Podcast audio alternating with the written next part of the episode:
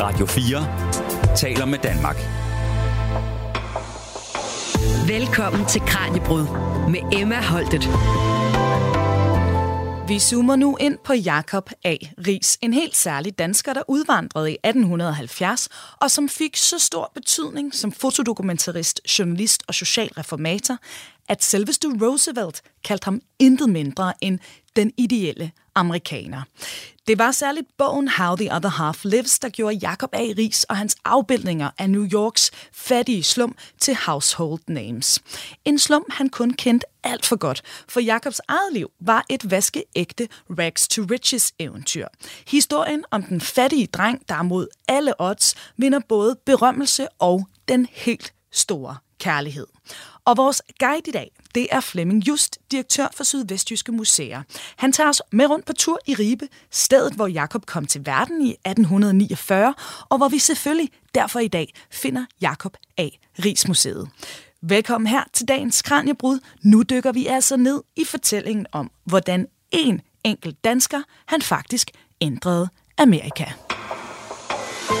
Du lytter til Radio 4 er øh, landet her i øh, Ribe, og øh, som I måske kan høre, så er der altså en lille smule baggrundsstøj. Jeg tror, at nogle af de gamle historiske bygninger, de er ved at få en lille overflade rensning her øh, om bag ved os.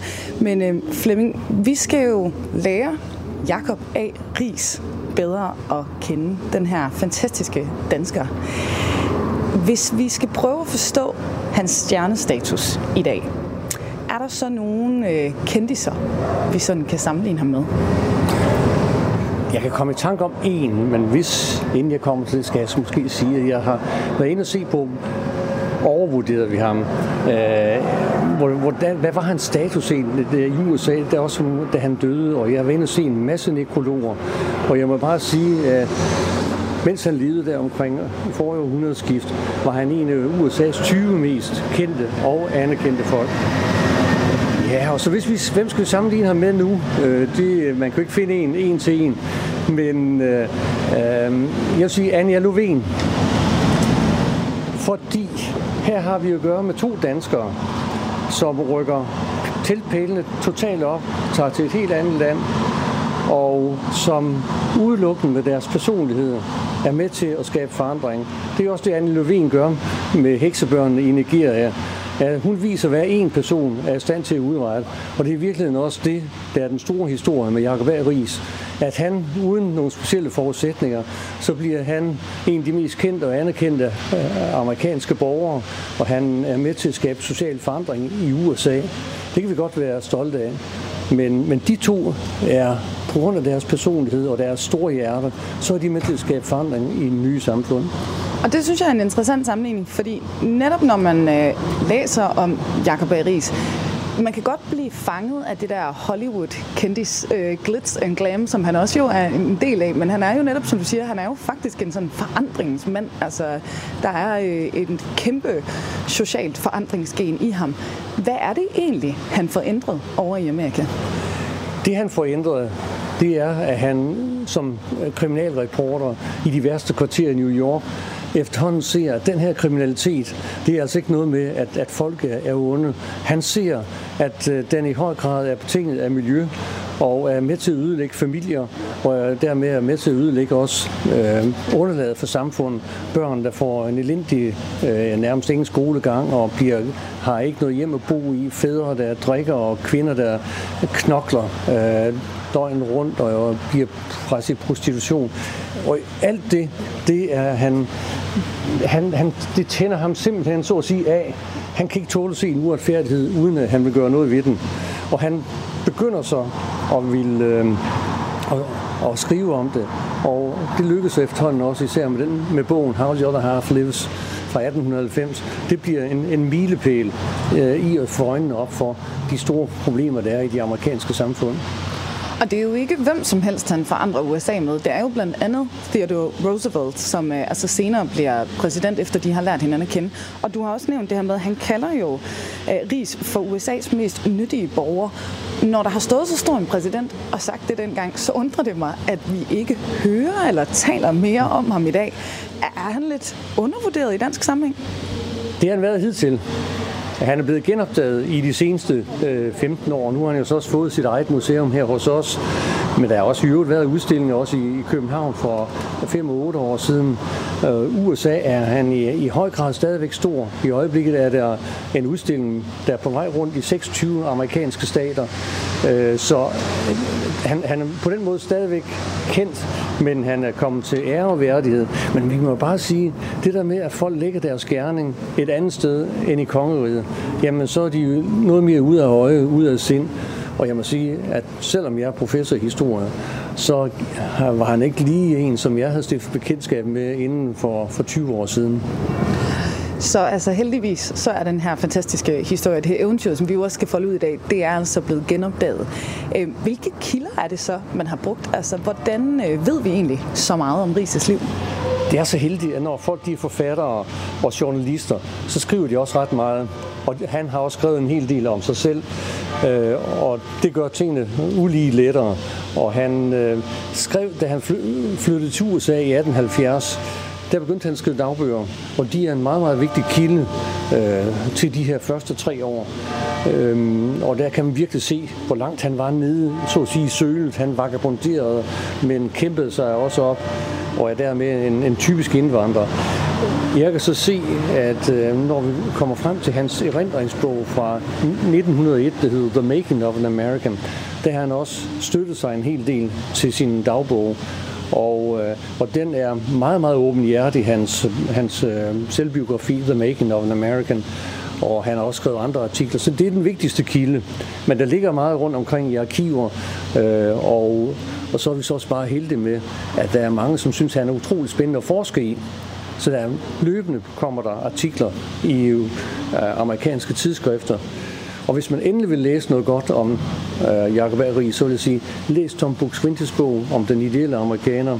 Det er den bedste bog, indtil min den er færdig til næste år. så kommer der en, der slår den af pinden. Det må vi, det må vi se, om han... I, I kan komme ind begge to i Kranjebrud, så kan I stå og battle om, hvem der ved mest om ham. Altså, i forhold til det her, netop nu snakker du også om det her, det er jo lidt den amerikanske drøm, han repræsenterer på mange måder i sin historie. Uh, Rags to Riches, og så er der mm. også en fantastisk kærlighedsfortælling, som vi også skal komme ind på. Altså, når man hører den her historie, noget af det lyder jo næsten også for godt til at være sandt. Det lyder virkelig som sådan manuskriptet i et film. Netop der med, at mange af kilderne jo er hans egne øh, beretninger. Kan man stole på det, eller er han også en person, der godt kan lide at iscenesætte den her sådan meget fantastiske fortælling jo på en eller anden måde? Jo, jo.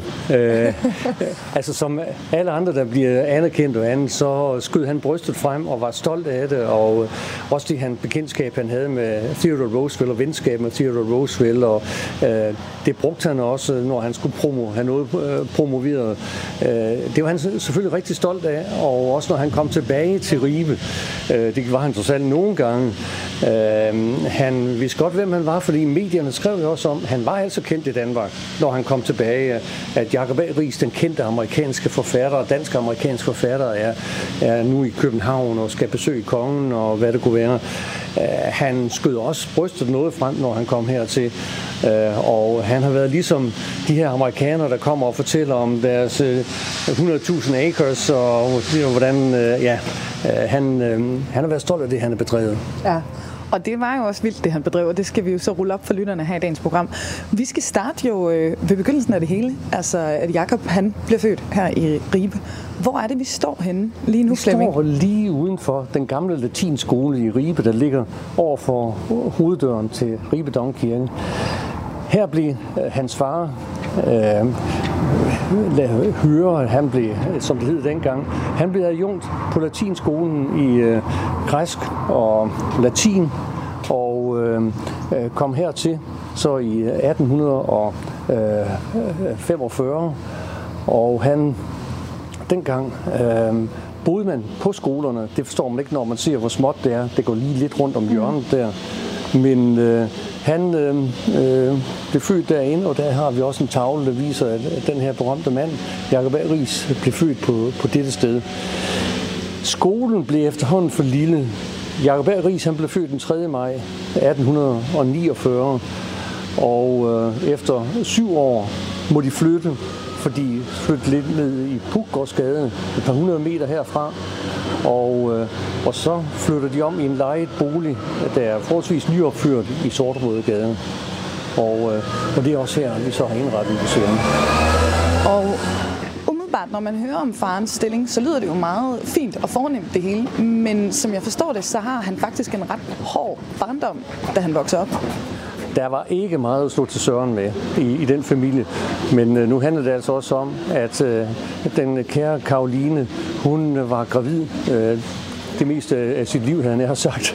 Øh, hun fødte 14 børn, og ulykkeligvis døde 12 af dem, øh, inden de nåede en, en voksen alder. Øh, så kun Jakob og en lille søster, øh, hed vi Sofie, øh, nåede en voksen alder. Men øh, der, skulle, der var mange måneder, der skulle mættes. Der var også tjenestepiger, der skulle hjælpe til. Og øh, det var rigtig fint at være jung, og senere blev han også lektor øh, på katedralskolen. Det var, når man mødte dem i gaden, så tog man altså hatten af. Men det var, der var ikke mange penge i det. Så øh, samtidig med, at han var lærer der, så var han faktisk i en årrække også redaktør af Ribe Stiftstidende. Okay, ja. Så Jakob, han blev jo, i USA blev han jo øh, journalist, men han var faktisk lidt bekendt med det, fordi han løb med aviser og løb ærner for sin far på Ribe Stiftstiden, som lå øh, lige 100 meter fra, hvor de boede i, i Sortebrødgade. Nu skal lige siges, dengang med at være journalist og redaktør, det var altså noget anderledes. Øh, det var nogle nyheder, der kom, øh, telegramnyheder, der kom fra København, og man lange referater fra rigsdagsforhandlinger og andet. Det var ikke særlig meget opsøgende journalistik i det. Radio 4 taler med Danmark. Nu skal vi lige en tur ned til katedralskolen. Ja. Latinskolen. Latinskolen. Øh, som i øvrigt er, er Danmarks ældste, helt tilbage fra 1145.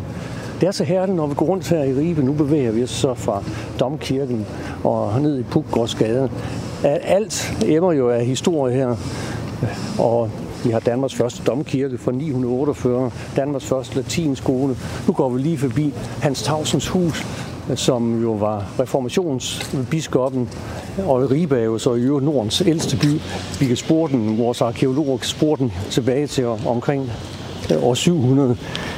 Så han har jo levet i, i den her lille by, hvor der, da han var barn, øh, boede omkring øh, 4.000 mennesker.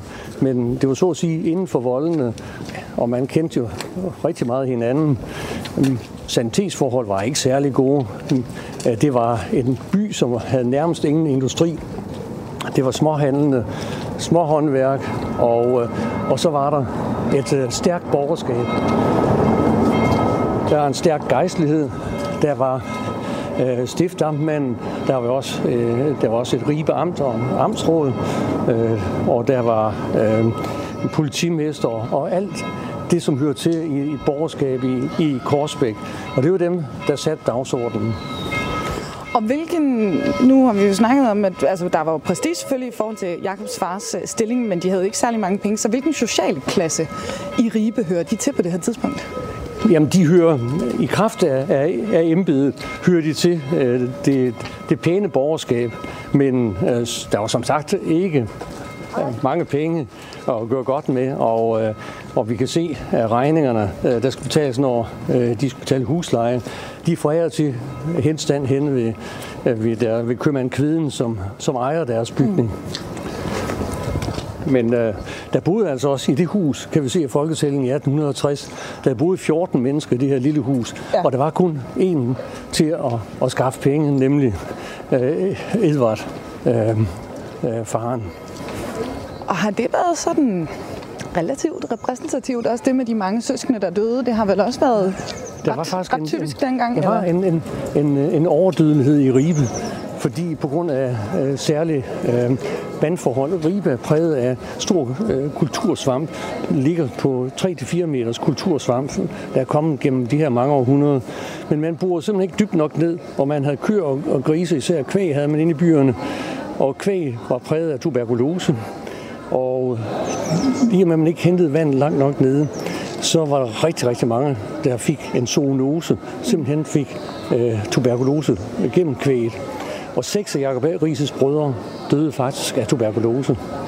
Øhm, så han sagde senere, at det her, han boede i det her forgiftede hus. Mm. Og sjov nok, så kommer han selv til at spille en, øh, en vigtig rolle i tuberkulosebekæmpelsen i USA fordi han blev optaget af, hvordan øh, man i Danmark med et julemærke havde øh, med en postmester øh, Holbøl i 1904. Han skabte et, et julefrimærke, man kunne sætte på, og det kunne så støtte sanatorier.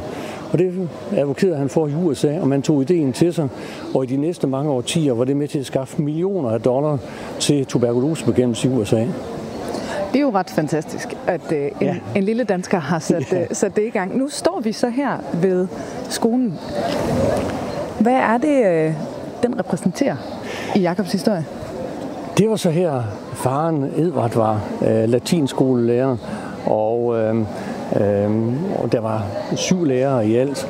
Og det var her, Jakob han også øh, gik i dengang i de her bygninger. Bygningen, vi ser her, frontbygningen, den var øh, blevet nyrenoveret og øh, fra 1855-56. Hvis vi går lidt længere frem, så kan vi så ja. se der også er et lille minde om Jacob A. Ries her. Lad os gøre det, og jeg kan sige til lytterne, at vi optager jo det her øh, den 21. Øh, juni, og derfor er der altså masser af glade studenter her i baggrunden med øh, hatte og, og smil på, fordi de er lige kommet ud og er blevet færdige, så det er derfor, der er lidt sniksnak her rundt omkring, og klirrende champagneglas og alt muligt hyggeligt og festligt. Nu skal jeg lige finde den. Hvor har vi for her er det alle, det er så, så dejligt, når man øh, er, Ribe var jo øh, et af de få steder, hvor der overhovedet var en latinskole. Så folk kom helt fra Kolding og øh, nord for Varde og andet. Så der er rigtig mange kendte mennesker, som øh, har gået på latinskolen her i Ribe.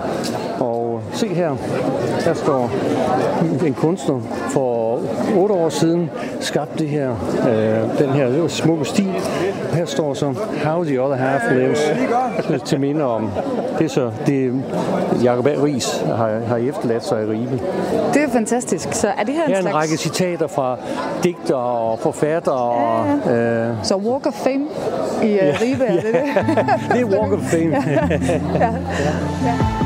Du lytter til Kranjebrud på Radio 4. Og vi er i fuld sving med at zoome ind på fotodokumentarist, journalist og socialreformator Jakob A. Ries. Og vores guide i dag, det er Flemming Just, direktør for Sydvestjyske Museer. Nu bevæger vi os lige lidt væk fra, øh, fra de glade studenter. Øh, men Flemming, er det også mens Jakob han er studerende på skolen her, at han møder øh, sin store kærlighed, Elisabeth? Faktisk så har han jo kendt hende i, i mange år, fordi det er den her lille by, og øh, øh, han har selvfølgelig truffet hende i, rundt om, omkring i byen, øh, uden at han har lagt mærke til hende. Det er jo en, en, en, en knæk på 7-10 år. Hvad lægger man mærke til piger og adder? så det har, har slet ikke interesseret ham. Men der sker noget med, med hormoner, og, øh, og så den her 15-årige dreng, han går over broen, og den går vi over om, om lidt. Øh, og så ser han den her tre år yngre pige, og pludselig ser han på hende på en fuldstændig anden måde. Nu er hun ikke bare den her pige. Hun kommer til at stå som, han bliver, øh, ja, det er et lynnedslag. Ja. Og øh, for det øjeblik øh, stalker han hende stort set resten af livet. Ja, og det lykkedes ham jo i sidste ende. Det kan vi jo lige så godt spoile og afsløre øh, nu. Det er en lang historie, den kommer vi jo så ind på her undervejs. Men der er jo ligesom et problem i starten, da han møder Elisabeth, og det er, at hun er, som jeg forstår det, adoptivdatter eller plejebarn, ikke? Ja. af den allerrigeste, vigtigste mand i Ribe. Ja. Dengang tog man sig jo af hinanden i familien, inden det var et socialt sikkerhedsnet. Og Elisabeths far, øh, han øh, døde, og så stod moren tilbage med, med tre børn. Og så døde øh, moren også. Mm. Øh, men, øh, men inden da var Elisabeth kommet hen til morens søster, som var øh, gift med Balthasar Görtz, som var ejer af en stor bomuldsfabrik i Ribe. Og han havde også øh, netop bygget et øh, kæmpe villa til sig selv, som man i byen kaldte Slottet. Det er der, hvor det nu er Ribe Kunstmuseum. Så hun var jo virkelig helt deroppe øh, på det højeste niveau i byen, allerhøjeste niveau i byen. Og øh, hun, øh, øh, betragter faktisk øh, både sin adoptiv mor og far som sine forældre, mm. og, og falder rigtig godt ind i rollen. Hun lever et, et ganske øh, behageligt liv, og man har ikke indtryk af for breve eller andet, end at hun egentlig har, har savnet øh, sin mor og far, biologiske mor og far. Hun nyder virkelig livet i Ribe, og, øh, og de fordele, det nu er ved øh, at kunne bo og have, sådan, ja, have penge nok. Og øh, Flemming Jakob, han kommer jo faktisk altså decideret i kambolage med Gertz over Elisabeth. Hvad er det, der sker? Ja, fordi Jakob, han bliver besat af Elisabeth. Og øh, han kommer så faktisk i nærheden af hende ved, at øh, han så bliver smidt ud af skole mere eller mindre. Og så kommer han i lære som tømmer, eller i første omgang bliver han arbejdsdreng.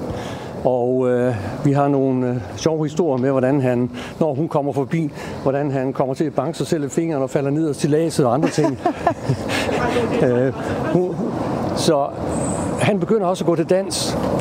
Det gør han her på klubbens hotel, øh, som var borgerskabets mødested. Er det, det er simpelthen det, vi har lige her til højre? Hotel, ja. Og øh, oprettet i øh, få år inden midten af 1800-tallet, eller 1811 er der så faktisk fra. Og øh, han begynder at gå dans, og det er han bestemt ikke god til. Og så er det altså, det går galt til et afdansningsbal. Fordi som dreng, ung mand, så er det selvfølgelig ham, der skal inklinere. Og han vil udelukkende danse med Elisabeth hele tiden. Det synes hun ikke er specielt rart, fordi øh, manden, han, øh, Jakob, han er ikke den store danser, og hun synes det er selvfølgelig det er dybt pinligt. Og sidst så blander faren sig og vil have Jakob væk fra hende.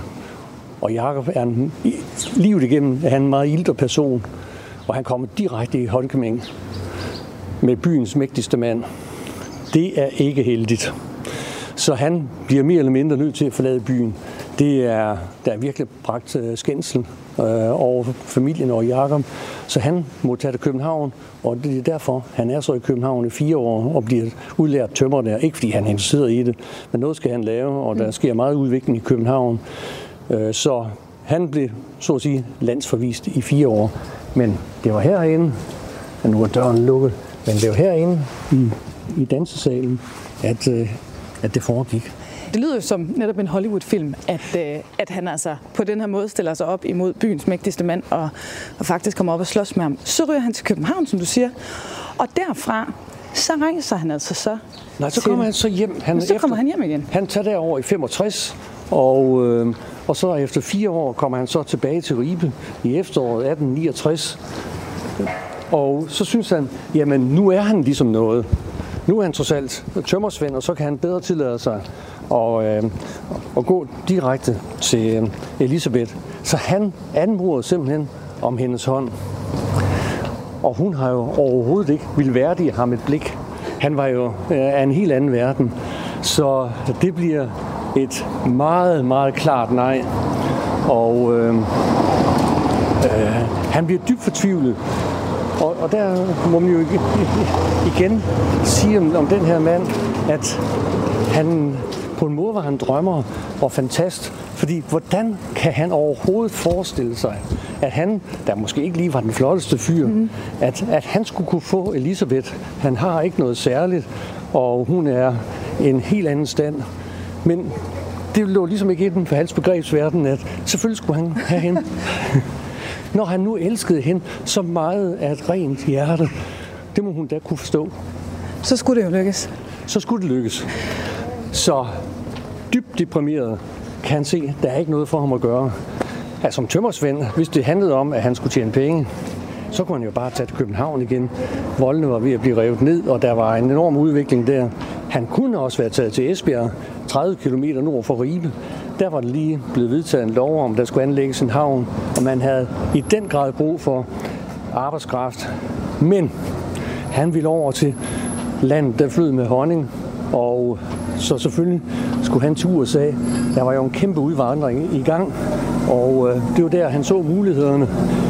Det, der drev ham, det var, han skulle tage derover, blive øh, rig, blive til noget, og så hun ikke kunne modstå, når han kom og friede til hende igen.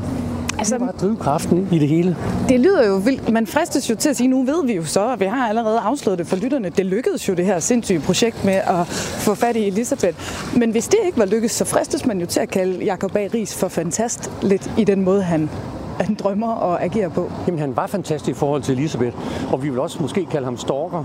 Ja. Øh, fordi han, øh, vi kan ikke lige sige, hvor meget han har forfulgt hende, men øh, vi ved også, at hun var jo i København, mens han var derovre som tøppersvend, og han øh, forsøgte at komme i kontakt med hende, men igen, øh, han blev holdt på afstand.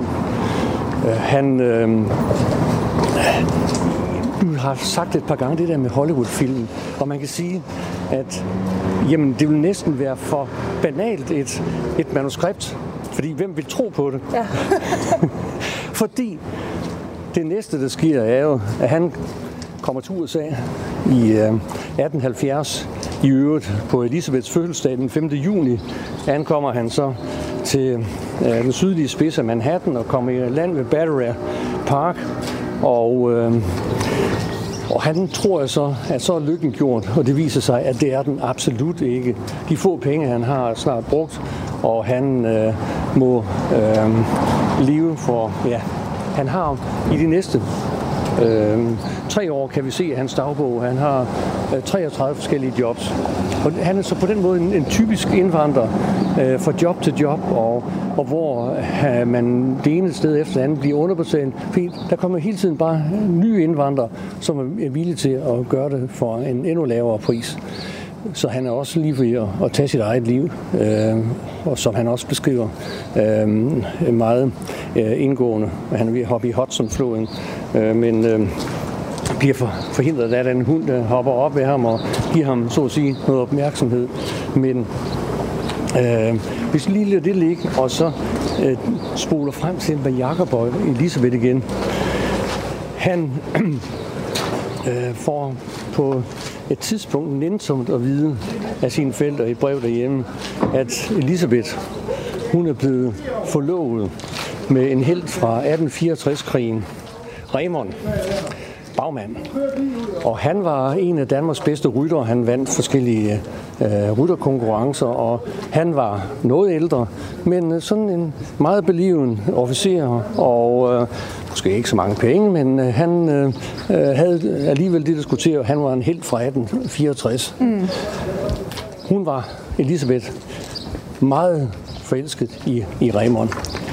Men så begynder igen de her skæbnen og, og Hollywood igen. Raymond, han får tuberkulose. Han bliver sendt til øh, på kurophold i Schweiz, men øh, øh, han, han kommer så ikke helt. Og Elisabeths far, han er en hård hund. Han siger, skil af med ham, forlad ham. En mand, der først har haft tuberkulose, han kan vel aldrig kunne forsørge dig ordentligt. Det nægter hun. Og øh, så må hun altså forlade øh, sit barndomshjem, og hun vælger så at tage til København og være øh, hos øh, familien der, og øh, være med til så at passe og pleje øh, Raymond Bagmand. Øh, det er selvfølgelig dybt ulykkeligt for ham, og Bagmand, han dør. Øh, vi har et, øh, et brev fra, øh, øh, som øh, faren og moren har skrevet til ham i, øh, i julen 1874, og hvor der så meget sørgeligt står, at nu er der endnu en af hans brødre, der, der er ved at dø. Og så står der en enkelt sætning, Raymond Baumund er, død. Øh, det fik han, læst han så juleaftensdag. Øh, Forestil dig de følelser, der er, at både få at vide, at storebroren er død, men også at Raymond Baumund, konkurrenten, er død. Øh, jeg tror nok, han havde armene op. Du tror, det var det, der vægtede, vægtede højst? Det er jeg ret sikker på. Ja. Det, øh, han kunne se, at nu var hun inden for nærheden. De var forlovet. Der var aftalt med, at bryllup skulle stå. Øh, så altså, hvor så at sige heldig kan han være, at, øh, at den store konkurrent, han, han falder væk. Så lige da han troede, han havde mistet alt, så fik han lige en ny chance der? Ja. ja. Og så er det så, at han øh, øh, øh, for alvor gør noget ved sin, øh, sit arbejde som øh, journalist. Han øh, er inde og købe en avis og en, en, en ugeavis og arbejder som man gør i den amerikanske drøm. Han er en, er en workaholic, det er han det meste af sit liv. Han arbejder og arbejder. Men han skaber sig faktisk en, en lille formue, lille formue, øh, men nok til, at han efter noget tid, så i øhm, øh, 1875, kan skrive til Elisabeth, øh, han frier til hende. Og der er det som i kærlighed og politik, at timing, timing er Gud. Og det der med, at der er et vindue, der er åbent på det helt rigtige tidspunkt, det er helt, helt afgørende. Så han har altså en vis kapital nu. Han kan bryste sig af, at han trods alt har gjort det okay i USA og slået sig igennem. Ikke han er en kendt mand, men han har trods alt øh, øh skabt noget. Og han skriver til Elisabeth og, øh, og frier til hende. Hun er stadigvæk dybt ulykkelig hun lever nu som øh, guvernante på en herregård i Sønderjylland. Det vil sige, at hun passer herremandens og herremandsfamiliens børn og underviser. Hun er jo som ung kvinde, så hun har selvfølgelig fået en god uddannelse som øh, i musik og øh, sprog og, øh, og kunst og hvad det nu kan være. Men det er hun jo altså også udsigt til, at som øh, øh, borgerskabskvinde, hvad er hendes muligheder? At enten kan hun blive guvernante, og det vil sige, så at sige, gammel jomfru resten af sit liv, eller hun kan gifte sig.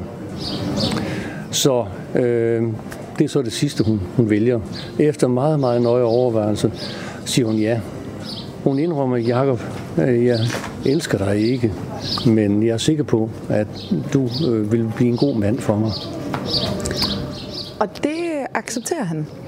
Hun accepterer. Og, og han accepterer, at hun ikke elsker ham, men det accepterer han, ja. ja.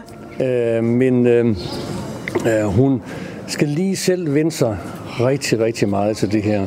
Så der skal lige gå sådan øh, øh mindst et halvt, tre kvart år, øh, inden han, han må komme. Men det kan han selvfølgelig ikke holde til.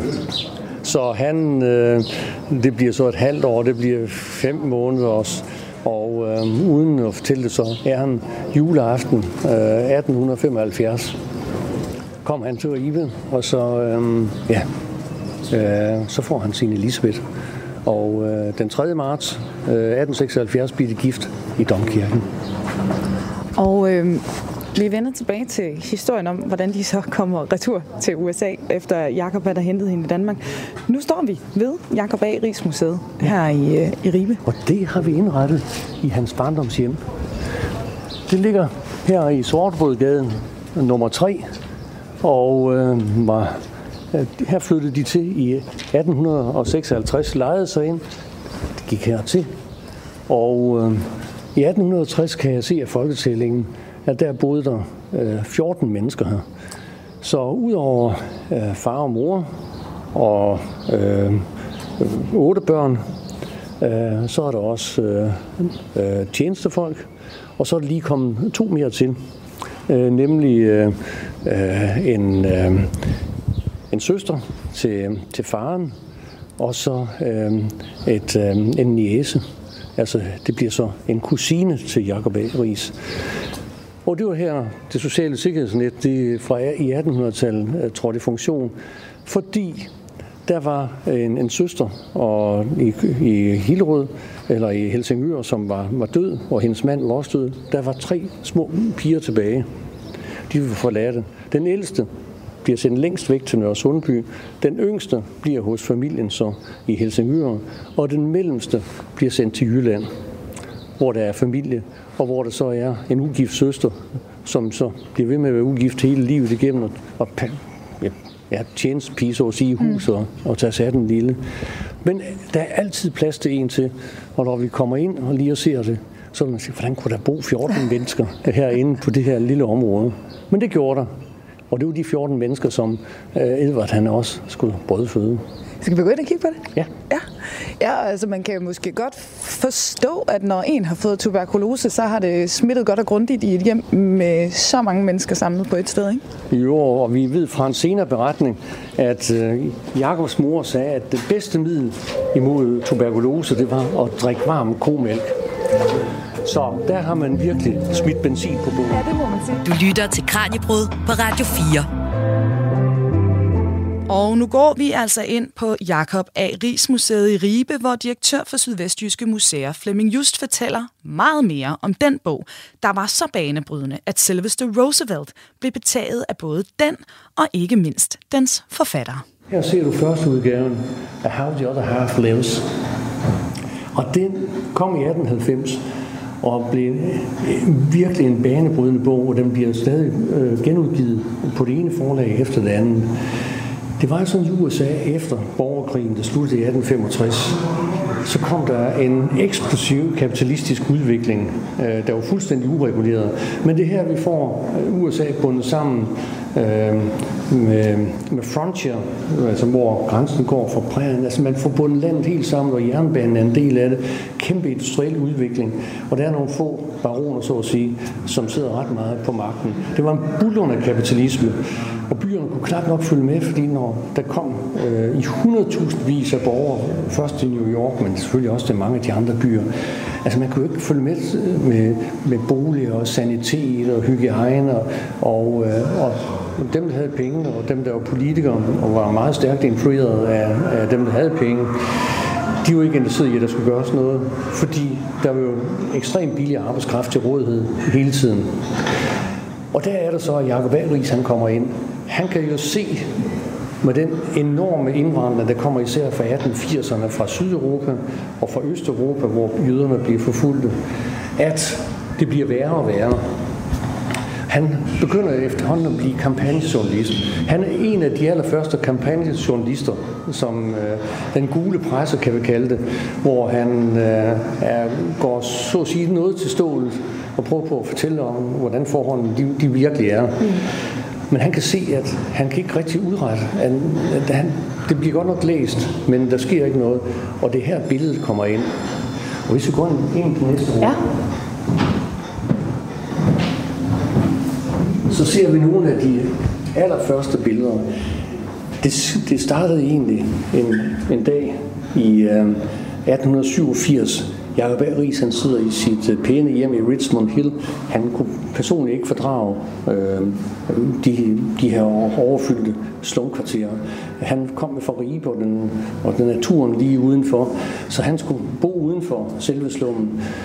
Men han sidder så og læser New York Times en morgen i oktober 1887, så ser han en nyhed om, at, øh, at formanden for den lokale øh, amatørfotografforening, han vil demonstrere, hvordan man kan tage billeder med et, øh, et lys, et lysglimt, så man kan tage billeder om natten. Og Jacob Ries, han siger med sammen, der kommer nærmest sådan et Heureka. Yes! Så kan jeg jo vise det, jeg ser om natten, fordi han var som kriminalreporter, så færdes han hjemvendt om natten. Mm. Han arbejdede om aftenen om natten, det var der ting meget skete i sumkvartererne, så han kendte jo alt, hvad der skete der. Uh, det var den måde, han så kunne vise, uh, hvad der skete. Og når han så vidste uh, med billederne, det han brugte billederne til, det var faktisk, at han ville lave lysbilleder. Øhm, det var simpelthen hans mål fra starten af. Fordi, og nu går vi lige tilbage til det her, det første rum.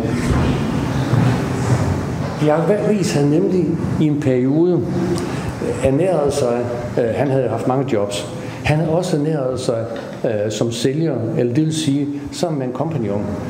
Så tog de fra landsby til landsby ude på Long Island, og øh, havde billeder i de her lysbilleder, som dengang hed Laterna Magica. Og de billeder, øh, glaspladerne, kunne projiceres op på et lag, som de hængte op, som mellem to træer, eller hvad det nu gjorde. Og det gjorde et enormt indtryk på folk.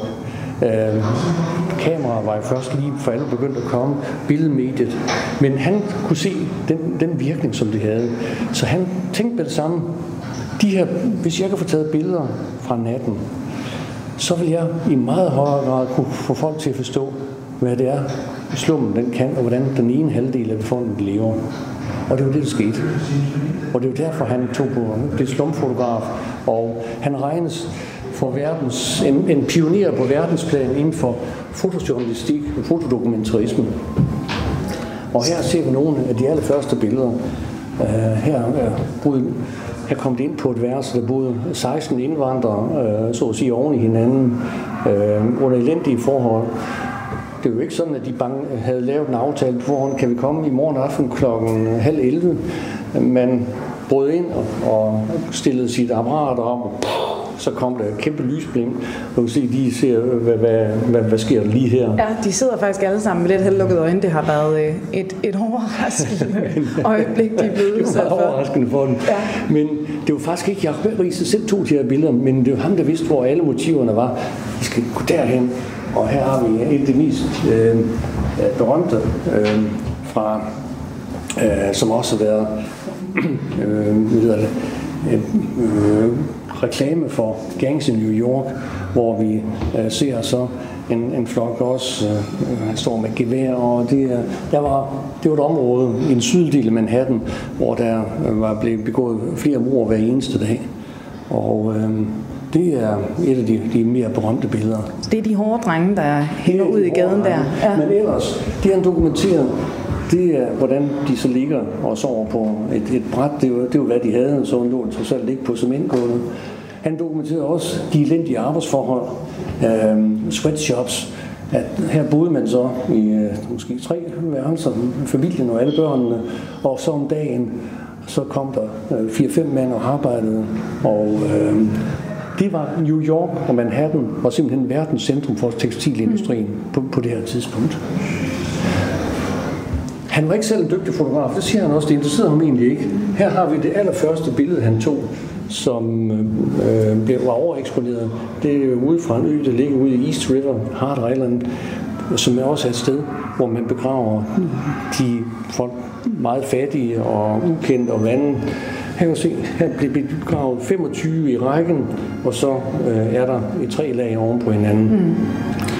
Det har været et meget, meget hårdt sted, New York, på det her tidspunkt, må man sige. 10 procent af New Yorks befolkning øh, døde uden, at der var nogen til at tage sig af dem, mm. og gik selvmord og blev myrdet, og hvad det ellers kunne være, var bare dybt fattige, og de, de blev begravet herude, 10 procent af, af befolkningen. Det er jo fuldstændig vildt. Og han har jo sådan, altså netop som vi også har været inde på, han prøver jo selv at være på bunden. Han prøver selv at sove på ja. herberg, og øh, altså, som du sagde, han var ved at hoppe i Hudson, fordi han troede, den her amerikanske drøm ikke ville lykkes for ham. Ikke?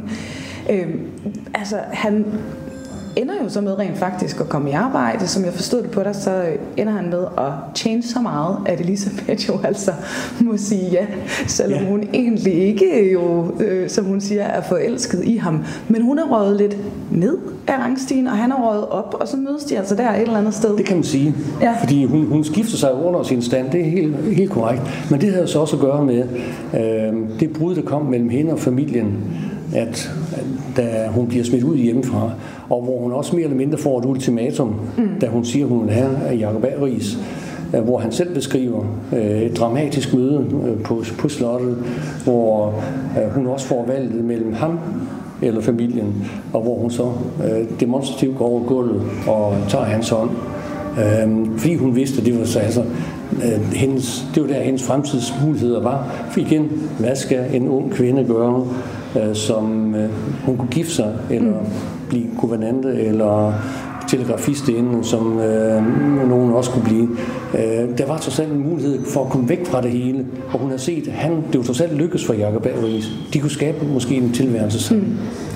Og det er altså, nu har vi kigget på billederne, han tager i slummen med den her fuldstændig banebrydende øh, fototeknik. Det er altså på det her tidspunkt, han og Elisabeth, de er rykket til USA, at han så arbejder som kriminalreporter. Er det rigtigt forstået? Ja, det er det.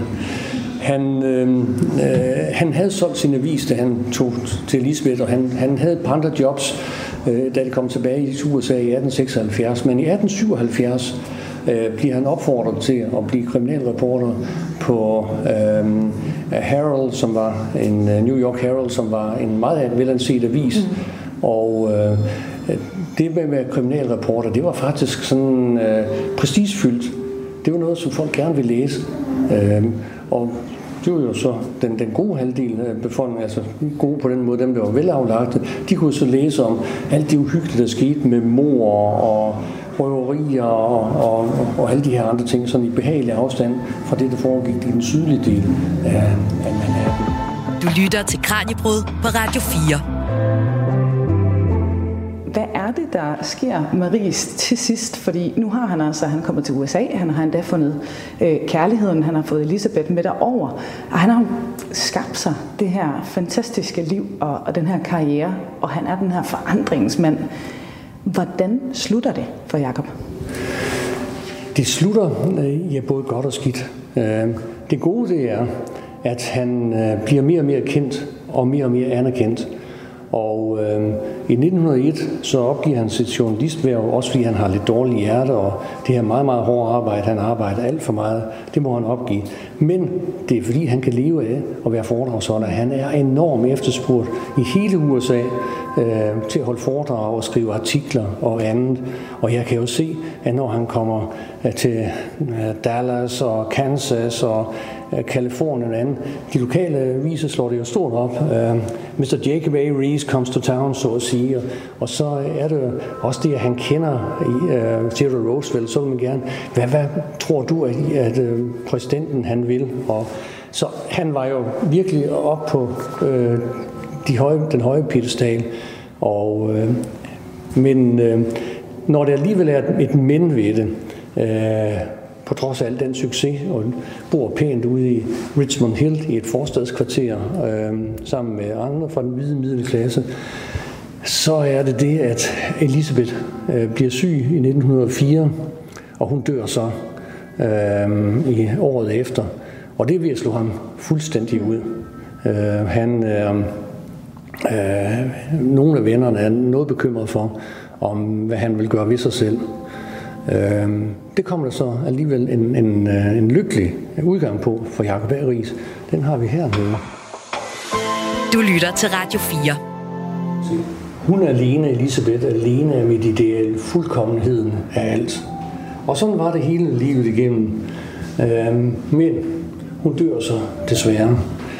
Og øhm, så ved jeg ikke, om det er Hollywood i det, men der sker i hvert fald øh, ret overraskende det, at øh, Jacob Ries, han så to år senere øh, bliver gift med sin 28 år yngre sekretær.